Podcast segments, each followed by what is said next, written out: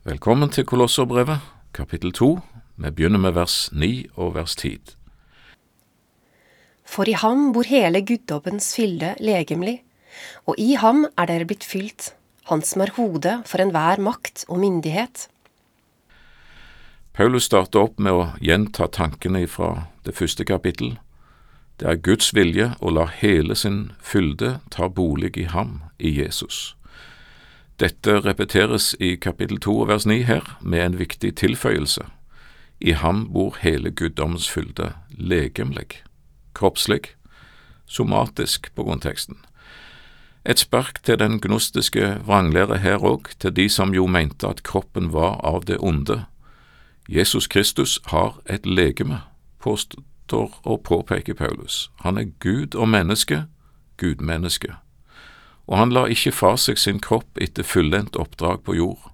Han er gudmenneske og i ham bor hele guddommens fylde legemlig. Ordet bor betyr fastboende, i motsetning til den som har et midlertidig bosted, som reiser videre ifra det. Det er altså ikke noe sporadisk eller midlertidig over dette. I Jesus er hele guddommens fylde legemlig, fastboende. Så er menigheten Jesu legeme her på jord, vers 10, Fylt av ham, står der. Og Johannes sier det sånn i kapittel 1 og vers 16, av hans, av Jesu fylde, har vi alle fått, og det nåde over nåde. Alt er gitt oss i og med Kristus. Og så oppfordres vi òg i Efeserbrev 5 og vers 18 til å bli fulgt av Ånden. La oss fortsette med å lese vers 11 til og med vers 13. I ham er dere også blitt omskåret med en omskjærelse som ikke er gjort med hender, ved at kjødets legeme ble avlagt ved Kristi omskjærelse, idet dere ble begravet med ham i dåpen, og i den ble dere også reist opp med ham, ved troen på Guds kraft, han som reiste Kristus opp fra de døde. Også dere var døde ved deres overtredelser og uomskårne kjød, men Gud gjorde dere levende sammen med Kristus idet han tilga oss alle våre overtredelser. Paulus tar opp emnet omskjærelse. Omskjærelsen var paktstegnet i den gamle pakt, og vi vet at det var et sterkt press fra noen jødekristne på nyomvendte hedninger, ikke-jøder. Hvis dere ikke blir omskåret etter den skikk vi har fra Moses, kan dere ikke bli frelst, tordner disse. Apostelens gjerninger 15. vers 1. Og i Kolossé har det tydelig vært et press, og noen kom i tvil. Hva skal vi gjøre? Skal vi foreta omskjærelse, eller? Og så får de et brev fra broder Paulus i Rom. Han har oppsiktsvekkende nyheter. Dere er jo allerede omskåret, sier han. Og er vi? Ja, i ham i Kristus er dere også blitt omskåret, ikke med en fysisk omskjærelse utført ved mennesker. Dette er Guds handling, det er Kristi omskjærelse, eller hjertets omskjærelse i ånden, som Romerbrevet 2,29 sier det. Altså en indre omskjærelse foretatt ved Guds ånd. Når og hvordan skjedde dette? Vers 12. I det dere ble begravet med ham med Kristus i dåpen, og i den ble dere også reist opp med ham ved troen på Guds kraft. Den kristne dåp, dåpen til den treenige Gud, til Faderens, Sønnens og Den hellige ånds navn, det er den nye pakts tegn, den Kristi omskjærelse. Du er døpt til Jesus, døpt til hans død for din synd, døpt til hans oppstandelse til din rettferdighet, døpt til et nytt liv i samfunn med Herren. Dåpen er altså verken symbol eller magi, men et nådemiddel hvor Gud sjøl handler og gir sin nåde, og vi får ta imot. Vi var faktisk åndelig døde, sier vers 13, ved våre overtredelser og uomskårne kjød. Men Gud handla, og det var et stort under da Lasarus rusla ut av si grav i Betania, eller da Jairus datter reiste seg opp fra si seng, eller da unggutten i Nain hoppa ned fra si båre. Så se opp, for her er større ting. Frelse er dødeoppvekkelse, ikke til et forgjengelig, menneskelig liv som igjen ender med død etter noen år. Dette er guddommelig, overnaturlig. Du gjenfødes, du blir gjort levende med Kristus, og Jesus sa, Den som hører mitt ord og tror Ham som har sendt meg, skal en gang få, nei, har evig liv. Johannes 5 og vers 24.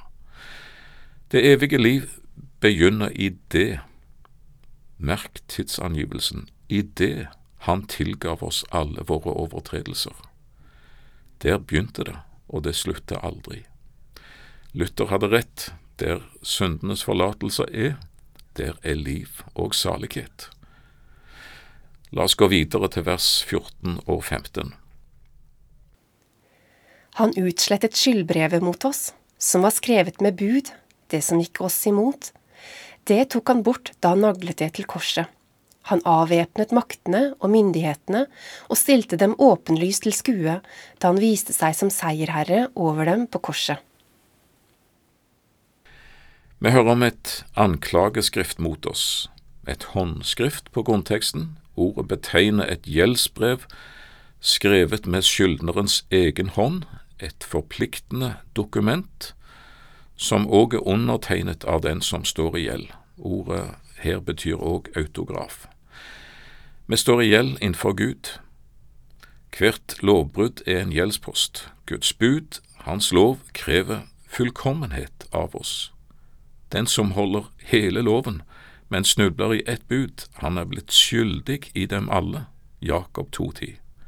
Men vi har jo ikke brutt Guds lov én gang, og sant å si, det var ikke alltid vi ufrivillig snubla og falt heller. Hvor mange ganger har vi ikke vassa rett uti med vidåpne øyne og ved full bevissthet? Vi visste det var galt, og vi gjorde det. I verset foran, vers 13, var det siste ordet overtredelse. Det greske ordet paratoma betyr ifølge en grunntekstekspert å falle med fritt forsett, trassig og forsettlig synd, bevisst krenkelse. Det er ingen unnskyldning. En har som enkeltmenneske et personlig gjeldsbrev utestående med Gud, men egentlig etter sammenhengen er det hele verdens samla syndegjeld som står oppført på dette skyldbrevet. Paulus sier ikke skyldbrevet som gikk meg imot, han sier oss, og sammenhengene er alle vi fortapte, alle vi åndelig døde. Hvilket gjeldsbrev! Hvilken svimlende, ufattelig mengde av synd og av skyld. Milliarder av mennesker, de verste og de beste, og inni der er du og jeg. Ikke en eneste av våre synder klarte oss mette unna. Ikke engang, i anførselstegn, en liten hvit løgn makta å finne et smutthull å komme seg unna på. Alt blei oppført på dette skyldbrevet, gjeldsbrevet. Og så tar Jesus dette skyldbrevet, overfører det på seg sjøl. Ja, egentlig blir han sjøl vårt skyldbrev. Han blir gjort til synd for oss, sier Skriften. Han ble en forbannelse. Han bar vår synd på sitt legeme, på sin kropp, opp på treet. Han møtte Gud med de synd, så du skulle slippe det. Og så stor er han, og slik kraft er det i hans offer, at den ene kunne sone alle synd. Skyldbrevet er de facto utsletta. Merk at det står skyldbrevet i bestemt form entall, ikke skyldbrevene, altså alle enkeltsummene, enkeltregningene i flertall. Når det står skyldbrevet bestemt form entall, betyr det summen av alle enkeltregningene, skyldbrevene i flertall alt samla til ett og oppført i et eneste gjeldsdokument. Sigvart Engeseth uttrykker det veldig fint.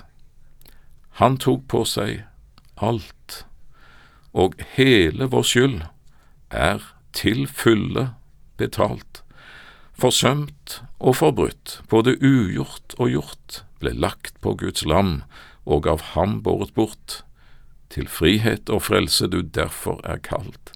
Han tok på seg alt. Dermed er djevelen og hans ånde her både avvæpna og avkledd, vers 15, for skyldbrevet, anklageskriftet, var jo hans trumfkort mot oss. Det diskvalifiserte oss fra himmelen, det kvalifiserte oss til evig fortapelse. På korset, ved Jesu død, ble djevelen fratatt både våpen og rustning. Ordet på grunnteksten betyr både det ene og det andre, så det kan oversettes både avvæpnet og avkledd. Og dette skjedde i full offentlighet, der Jesus viste seg som seierherre, triumfator over alle onde makter, på sitt kors. Ikke underlig om djevelen avskyr ordet om korset. Der står han jo til spott og spe i lyset fra Golgata. Dette synes de nok var underlig, for å si det mildt, de som først hørte eller leste dette ordet. De visste jo hva en korsfestelse var, og de visste at den som ble korsfesta, var avkledd, avvæpna. Han var offentlig framstilt til spott og til forakt. Han hadde tapt alt, verdighet, innflytelse, ja, selv livet. Så snur Paulus alt dette på hodet. Korset er seierens merke. Faktisk bruker Paulus her bildet fra triumftoget. Jesus er den seirende hærfører som leder an i spissen for sitt triumftog, og bak han følger hele ondskapens ånde her. Lenka, avkledd, avvæpna, beseira. Jesus er Herre, korset er seier. Det minnes vi om i vers 15. Og dermed har Paulus vist oss veien. Så går han over i vers 16 og til og med vers 23 til å vise oss alle avveiene. La oss lese dette avsnittet. La derfor ingen dømme dere for mat eller drikke, eller med hensyn til høytider eller nymånedager eller sabbat. Dette er bare en skygge av det som skulle komme, men selve legemet hører Kristus til. La ingen røve seiersprisen fra dere. Om noen prøver på det, ved ydmykhet og engledyrkelse, idet han gir seg av med syner, blir oppblåst uten grunn av sitt kjødelige sinn, og ikke holder fast ved ham som er hodet. Fra ham er det jo legemet vokser, Guds vekst, hjulpet og holdt sammen av alle bånd og ledd. Når dere er døde med Kristus fra verdens barnelærdom, hvordan kan dere da, som om dere fortsatt levde i verden, la dem legge slike bud på dere? Ta ikke, smak ikke, rør ikke. Dette er bare menneskers bud og lærdommer. For disse tingene er bestemt til å bli brukt og fortært. Slikt har nok ord på seg for å være visdom, med selvvalgt gudsdyrkelse og ydmykhet og mishandling av legeme. Men det er ingen ære verd, og tjener bare til tilfredsstillelse for kjødet. Ja, klare ord ifra broder Paulus der. Det var altså en vranglære i Colosset som eh, ser ut til å hevde at det var fint og hyggelig med Jesus, men han er jo bare én av veiene. Han er jo bare en del sannhet og en flik av det mangfoldige åndelige livet. Vi må jo ha mer enn Jesus. Vi må overholde spesielle dager og høytider. Vi må avstå fra urein mat, vi må gjøre bestemte øvelser og plage oss sjøl fysisk for å vinne Guds gunst. Husk, vi har store åpenbaringer, vi har stadig englebesøk som viser seg og veileder oss og har spesielle budskap fra Gud, hva Han vil ha av oss. Det er fint med Jesus, men vi må jo ha mer, og våre englesyner viser vei. Paulus er ikke imponert over dette. Ikke bare er disse syner og øvelser null verdt, vers 23, men de fører direkte til frafall, vers 18. Jesus er veien. Bestemt form entall, der finnes ingen annen vei hjem. Jesus er sannheten, bestemt form entall. Jesus er livet, bestemt form entall. La ingen røve seiersprisen, formaner Paulus kolosserne, og oss.